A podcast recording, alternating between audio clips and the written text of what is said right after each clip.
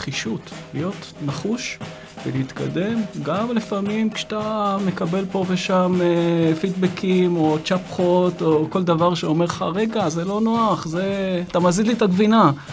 לא לפחד להזיז את הגבינה, רק ככה מתקדמים, כי אחרת נמצאים על אדוות מים קטנות כאלה שלא זזים, אתה יודע? אם רוצים לזוז צריך לחתור. בים צריך לחתור. שלום לכם מאזינים ומאזינות, ברוכים הבאים לפודקאסט המגשימים, תוכנית המארחת בכירים מתעשיית הביטוח והפיננסים שהגשימו כמה דברים בחייהם, ועדיין רעבים להגשים את הדבר הגדול הבא. נמצא איתנו גיל יניב, בעלים של סטארט-אפ בתחום הטכנולוגיה הדיגיטלית לעולם הביטוח, יועץ בתחומי חיסכון ארוך טווח, מגשר, לשעבר משנה למנכ"ל מגדל ובעל תפקידים בכירים נוספים בעולם הביטוח. שלום לך גיל ותודה שבאת. לכבוד הוא לי. גיל, אשמח אם תציג את עצמך בשניים, שלושה משפטים. אוקיי, אני אה, מגיל יחסית צעיר, מסיום אה, תואר ראשון, אה, מצאתי את עצמי באקראי באמת בעולם הביטוח. עוד לא ידעתי שזה עולם הביטוח. מקום העבודה הראשון שלי היה שקל, שבזמנו אה, הונהג על ידי מאיר אוזן, הידוע, המוכשר. Okay. אה, אחרי שלוש וחצי שנים אה, מצאתי את עצמי במקום שנקרא תמורה, שאני מניח שחלק גדול מכירים.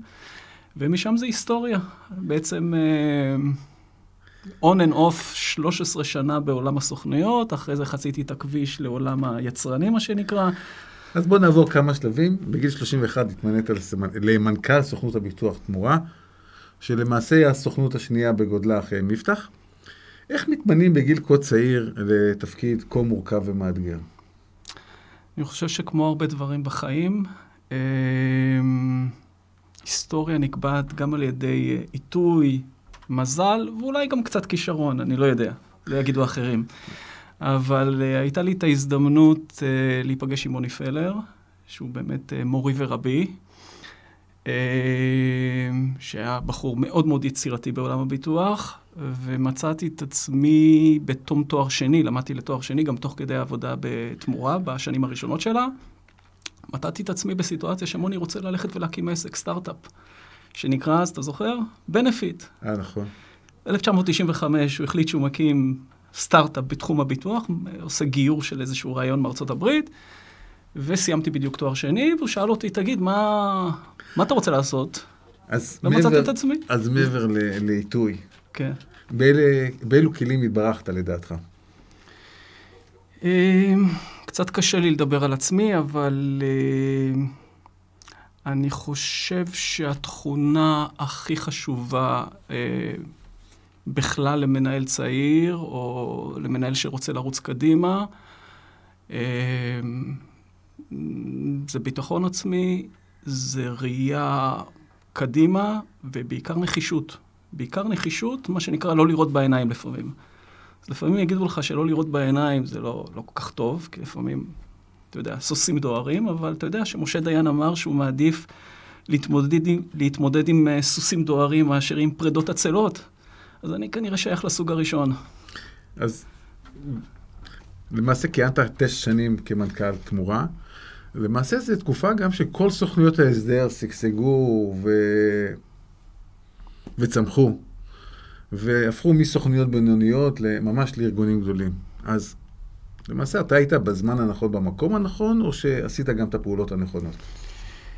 אני מניח, יש, יש דברים שקשורים למקרו, להיות במקום הנכון בזמן הנכון, ואני מזכיר לך ששנת 95, שזו השנה שהתחלתי להיות מנכ"ל של תמורה, עד ש... אמצע שנות האלפיים, היו השיא של תעשיית ההייטק במדינת ישראל. זאת אומרת, אנחנו היינו שם, לא רק אני. אני הייתי שם, ויונל היה שם, אה, ואיציק עוז היה שם, אה, ועוד רבים וטובים, שמינפו את הגל הזה של התפתחות ההייטק ישראלי, שזה בעצם שינוי הכלכלה הישראלית, מכלכלה מסורתית, אה, תעשייתית, חצי ציבורית, חברות ממשלתיות, לקטר הייטק מטורף, כן? והצלחנו לייצר, ואני חושב שהיה לי חלק, אם אתה שואל אותי, לייצר את הבידול בין אותן סוכנויות שלימים, ואפילו על השם הזה יש לי איזשהו אה, אה, זכויות. מנהל הסדר פנסיוני. של מנהל הסדר פנסיוני, שזה היה מין חיה כזאת, לא רגולטורית ולא שום דבר שנולדה, כתוצאה מבידול ביכולות. והיכולות האלה היו בעיקר, בעיקר, בעיקר טכנולוגיות וניהוליות. צריך, לה, צריך להגיד את זה. לא רק שיווקיות, לא רק מותגיות. אה, ולכן, אם אתה שואל מה מהמרכיבים האלה זה עיתוי, מזל, אה, ומה מתוכם זה עשייה, הייתי נותן 70% לעשייה ו-30% לעיתוי. ונגעת בנושא של המיתוג של ההסדר, המנהל הסדרים פנסיוניים, אז למעשה, זה מהלך שיווקי, כל הבידול הזה, או שיש יש משהו מאחורי המונח אה, מנהל הסדר פנסיוני? לחלוטין יש תוכן, ואני חושב שאם יש לי בידול בתוך התעשייה של מנהלי ההסדרים, זה יצירת התוכן. אה, אני בשנת 98, תחילת 98, התחלתי לפתח מערכת עבור סוכנות ביטוח, שהייתה סוכנות ביטוח יחסית בינונית עד קטנה. תמורה, כשנכנסתי למנכ"ל אותה, הייתה גוף של 12 איש. זה המצב. כמה עובדים סיימת אגב? 150. עכשיו, המשמעות הייתה... אגב, כן. המשמעות הייתה שכדי להתמודד עם המסות הגדולות של ארגוני ההייטק, שהיה לנו מה להציע לכל הגופים האלה שנקראו מנהלי הסדר, היה יתרון מובהק ללכת לאותם עסקים ולהציע להם משהו, להתחבר לרעיון הזה שהם פתאום נאבקים על עובדים, זה לא היה שוק כזה. ארגוני ההייטק זה, זה, זה התקופה הראשונה שזה הפך להיות, במקום שוק של מעסיקים, שוק של עובדים. והם נאבקו על עובדים לגייס אותם לתוך הארגון, ואנחנו היינו כלי בשבילהם על מנת לשכנע שהארגון הזה, מבחינת HR, מבחינת התייחסות לעובד, מעטפת כוללת וכן הלאה, עדיף על פני מקומות אחרים. ולכן, כדי לממש את אותה הצעת ערך, היינו צריכים טכנולוגיה. ואני בשנת 98' התחלתי לפתח מערכת שנכנסתי אליה, עוד לא ידעתי לאן אני נכנס. היו לי אספירציות נורא נורא גדולות. אני בשלב מסוים גם חשבתי שאני אפתח מערכות שיחליפו את המערכות של חברות הביטוח. זה אפרופו לרוץ קדימה לפעמים עם עיניים סגורות. עד שבשלב מסוים עצרתי את עצמי ואמרתי, רגע, זה לא יקרה. אבל היכולות הטכנולוגיות שלנו להתמודד עם פיצולי כספים, סליקת כספים, ניהול תהליכים תפעוליים, היו 20 שנה קדימה מהשוק, בסדר? לא חמש שנים קדימה, אלא 20 שנה קדימה מהשוק, וזה נתן לי יתרון טכנולוגי עצום לתמורה. בהמשך, סוכניות אחרות נכנסו לעולם הזה וצמצמו פערים, אבל זה אפשר לתמורה לזנק ולעלות על הגל הזה. ומשם אביגדור מש... קפלן משך אותך אז, אה, מנכ"ל אה, כלל אה, ביטוח, משך אותך לחטיבת הפנסיה. במה זה שונה לנהל אה, סוכנות ביטוח לבין להיות חלק מארגון גדול? שאלה מאוד מאוד מעניינת. אחת ההתלבטויות הכי גדולות שהיו לי היו בסוף שנת 2004. תמורה הייתה בשיא שלה. המהלך העסקי האחרון שתמורה עשתה הייתה לבנות חברות בנות, לוויינים.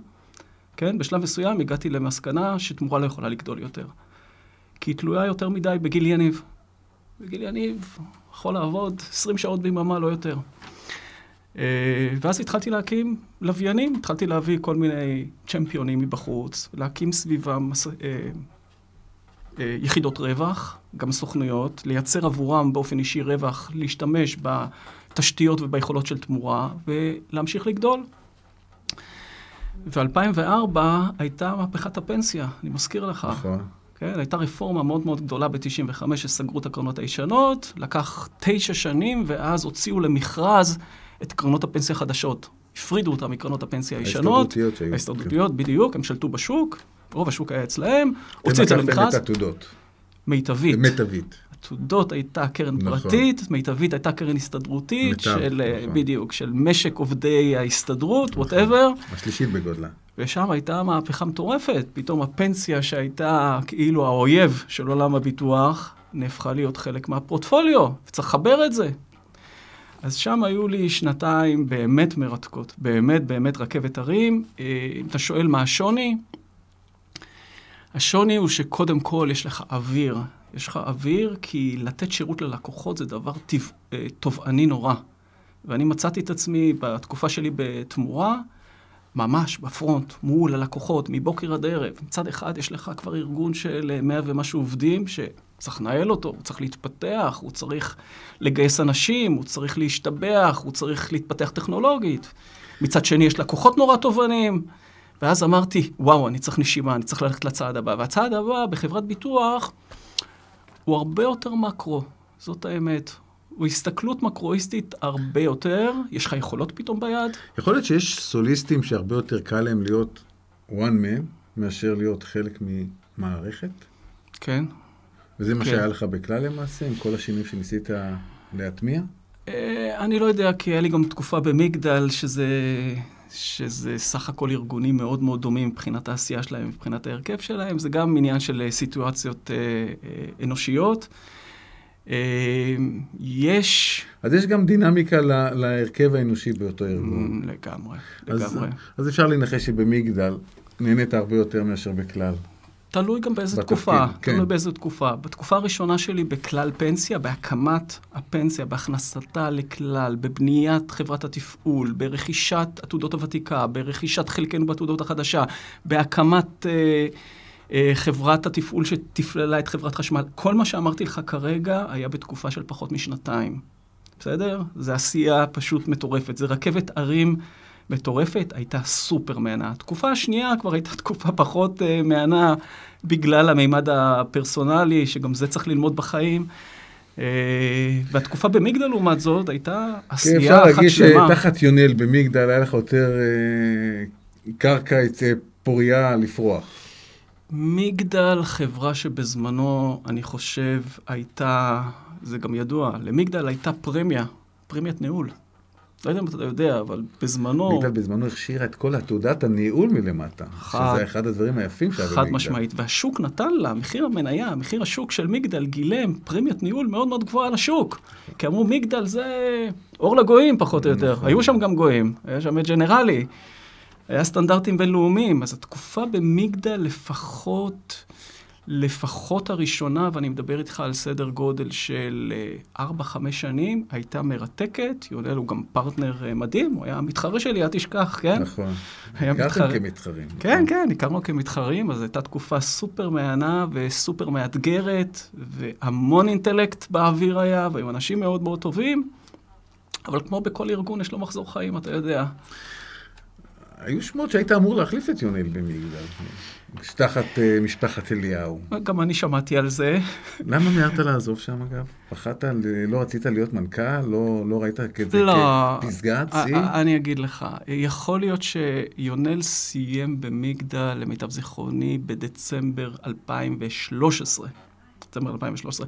אז הייתה נקודה שכנראה אה, התאימה לכך שאני אכנס בנעליו, כי היינו גם מאוד דומים מבחינת מחשבה. היה לנו המון המון אה, אה, קווים משיקים במחשבה, ומאוד מאוד אהבנו להיות ביחד, ואני חושב שהארגון גם אולי היה מקבל את זה בצורה מאוד מאוד נוחה, כי זה היה המשכיות, זה היה יוצר המשכיות. התקופה שלאחר מכן, מגדל כבר נכנסה לעידן אחר, ואני לא, לא אכנס לזה, אבל היא נכנסה לעידן אחר אה, מבחינת אה, תהליכים ארגוניים, מבחינת אה, זהות המנהלים שהיו בארגון. הייתה תחלופה מאוד מאוד גדולה. החל מסוף 13 ועד היום אני חושב שעדיין יש, יש, יש תחלופה, ובמקום הזה כבר פחות התאים לי. אל תשכח שהייתי שלוש שנים עוד אחר כך, כן? שנתיים וחצי לפחות אחר כך. ומאז עזיבת מגדל, די ירדת מאור הזרקורים בענף הביטוח. כן, כן. איך השוני הזה, ככה, לא להיות באור זרקורי הביטוח, ככה, כאחד הדמויות המשפיעות על התעשייה הזאת? ברמה האישית אני חושב שמבחינת האישיות שלי, זה די מתאים לי. זאת אומרת, מי שמכיר אותי באמת, יודע שלא להיות באור הזרקורים הרבה יותר מתאים לי מאשר להיות באור הזרקורים. זאת אומרת, להיות באור הזרקורים היה מחיר אישי גדול בשבילי. לא, okay. לא אוקיי. פסגת השאיפות שלי. לא... היה לזה מחיר. יש אנשים שקל להם יותר, לי, לי פחות נוח להיות באור הזרקורים, אלא יותר להיות אה, בבק ולאתגר את עצמי פנימית. אה, ומצאתי שזה עולם נורא נורא נוח. עולם נוח ועולם גמיש ועולם מאתגר. למעשה, מאז שעזבת את מגדל, אתה בעיקר מנהל את עצמך. כן, לגמרי. ספר לנו על היזמות ככה החדשה שאתה... מאז אתה עוזב ואתה עוסק ביזמות הזאת? אה, על כן. אולברייט? כן. אז בוא ספר לנו קצת מה זה אולברייט. אולברייט במקור הייתה אמורה להיות חברת ביטוח דיגיטלית ישראלית, בעלת רישיון מבטח במדינת ישראל. אה, שעושה, שיש לה רישיון לחיים ולבריאות, אה, חברה דיגיטלית לחלוטין, שבעצם מממשת את כל התהליכים שאני הכרתי בעולם הישן, אם זה צירוף לקוח, ואם זה שירותי ייעוץ, ואם זה הצעת מחיר, ואם זה חיתום, ואם זה תשלום, ואם זה billing, כן? מממש את הכל בצורה דיגיטלית, שזה אתגר אה, אה, אינטלקטואלי על הכיפאק, מפצחת אותו, מביאה אותו לאזור של הדיגיטל, ויוצרת בעצם מודל חדש איך עושים ביטוחי חיים וביטוחי בריאות במדינת ישראל. בעולם, אגב, יש אה, מיזמים אה, מהסוג הזה, אה, אבל במדינת ישראל לא. אה, והאתגר הזה, שבו אני מתעסק און-אוף, סדר גודל כבר של 4-5 שנים, אה, מחייב צלילה להמון עולמות שאני באופן אישי מאוד מאוד אוהב אותם. הגדרת המוצר, הגדרת השירותים, אה, הטכנולוגיה עצמה בפנוכו, איך אתה לוקח תהליכים נורא נורא מורכבים ומפשט אותם. גם היצירה הדיגיטלית עצמה, זה, זה פיתוח. קודם כל עברת שינוי רדיקלי, מלנהל עשרות מאות עובדים ללנהל כן. חמישה מפתחים בגדול. כן, אבל uh, אני תמיד, גם כשהייתי במקומות האלה שהיה לי uh, מוטת uh, שליטה ואחריות על המון המון עובדים, תמיד דאגתי לעשות דברים uh, uh, בידיים. לעשות, לגעת בחומרים. אני לא יודע אם אתה יודע, אבל uh, במגדל, תקופה מסוימת הייתי אחראי על האסטרטגיה, הייתי כותב יחד עם עוד בן אדם או שניים את האסטרטגיה של מגדל, ועושה עבודות אסטרטגיות בשביל האינטלקט, בשביל ה...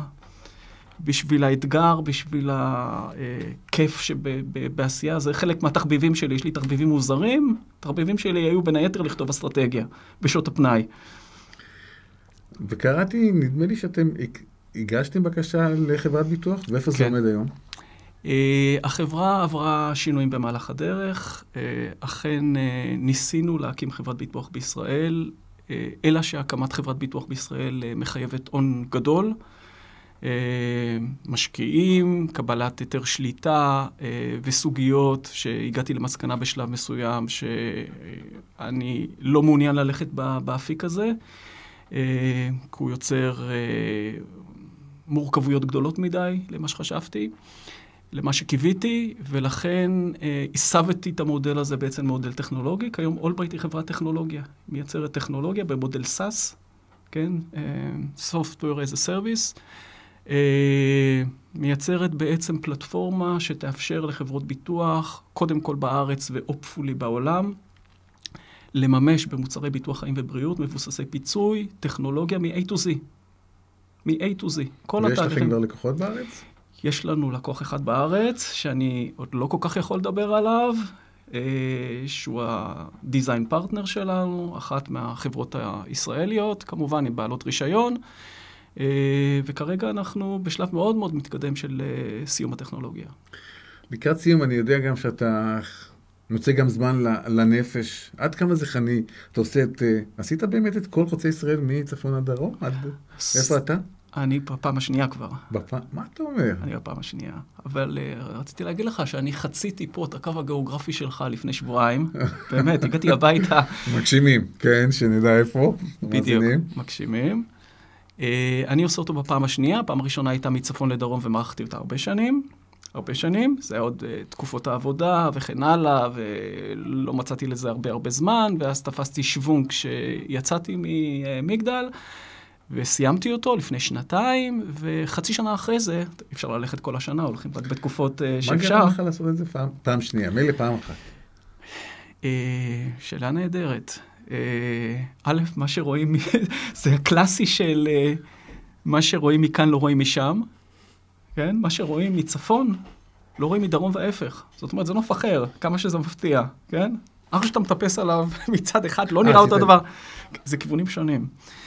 אה, שתיים, זה מצע נפשי על הכיפאק, חלקם, אני עושה את שביל ישראל, אגב, ברובו לבד, כולל חלקים בערבה שאני עושה לבד, מדבר. אתה אמיץ. מדבר, לא יודע אם אמיץ, זה מדינת ישראל, שמע, זה לא, אתה לא הולך פה לאיבוד במדבר okay. של 300 קילומטר, אתה מקסימום תהיה 20-30 קילומטר מהכביש, אבל uh, זו חוויה נפשית נהדרת, שכל מי שמסוגל לעשות את זה, גם ברמה הפיזית וגם ברמה המנטלית, מומלץ לחלוטין, אתה גם עושה את זה עם חברים, ואתה פוגש על השביל אנשים מעניינים, ואתה פוגש את עצמך בעיקר על השביל. אז אין ספק שאתה, גיל, עברת כברת דרך בתעשיית הביטוח. ניהלת את שתי החברות הגדולות, לפחות אז, הגדולות שהן היו. בחברות הגדולות, לא ניהלתי אותן. נכון, גם את תמורה לפני כן כמנכ"ל. נכון. אה, עברת דרך, אין ספק שראויה. אם הייתי מבקש ממך כמה טיפים ליזם או למנהל הצעיר שאומר, וואו, אני, כשאני אהיה גדול, אני רוצה להיות גיל יניב. אה, מה הטיפים שתצייד אותו? אני חושב שמנהל צריך להבין טוב טוב במה הוא עושה, טוב טוב טוב במה הוא עושה, לא על פני השטח. אני חושב שאתה חייב לנהל אנשים דרך ערך מוסף, אתה חייב לתת להם ערך מוסף, זה לא יכול לבוא דרך הטייטל שלך, או דרך התפקיד שלך, או דרך המיתוג שלך, אתה חייב לתת להם ערך מוסף כל הזמן. אה, ובעיקר ללכת עם הרעיונות שלך ועם האני מאמין שלך לאורך כל הדרך, נחישות, להיות נחוש ולהתקדם, גם לפעמים כשאתה מקבל פה ושם אה, פידבקים או צ'פחות או כל דבר שאומר לך, רגע, זה לא נוח, זה... אתה מזיז לי את הגבינה. לא לפחד להזיז את הגבינה, רק ככה מתקדמים, כי אחרת נמצאים על אדוות מים קטנות כאלה שלא זזים, אתה יודע? רוצים לזוז, צריך לחתור. בים צריך לחתור, יש זרמים, אתה צריך לחתור. איפה נראה אותך עוד שלוש שנים? Um, לא כל כך יודע האמת, ואני לא בטוח שאני רוצה לשים לעצמי יעדים. אני רואה את עצמי כן משלים אוטוטו את הטכנולוגיה ומיישם אותה, אני חושב שזה יהיה נורא נורא מעניין. Um, לא מזמן עשיתי קורס של uh, גישור, כי עניין אותי נורא להיכנס לסוגיות של גיסור. אגב, uh, גם לעולם הפיננסי אני חושב שזה...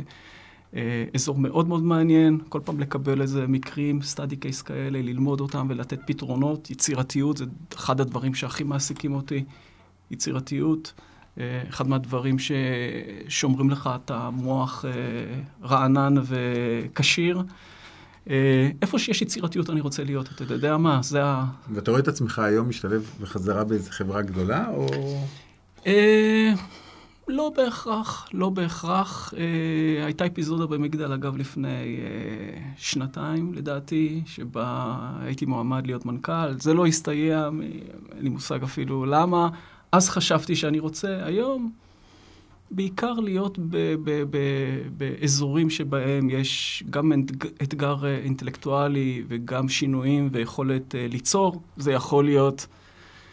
זה יכול להיות בתור בורד, זה יכול להיות בתור צ'רמן, אולי גם מנכ"ל, למרות שאני כבר לא כל כך בטוח. גיל, מה זה שמחתי לארח אותך כאן? קיבלתי כאן, ראינו כאן שעם אמונה בדרך ועם עקשנות, אז אפשר להיות מנכ"ל גם בגיל 31, ולהיות יזם ומוביל אה, בכל גיל. אז המון תודה. על עוד דבר, ו... היה, לי, היה לי כיף. תודה.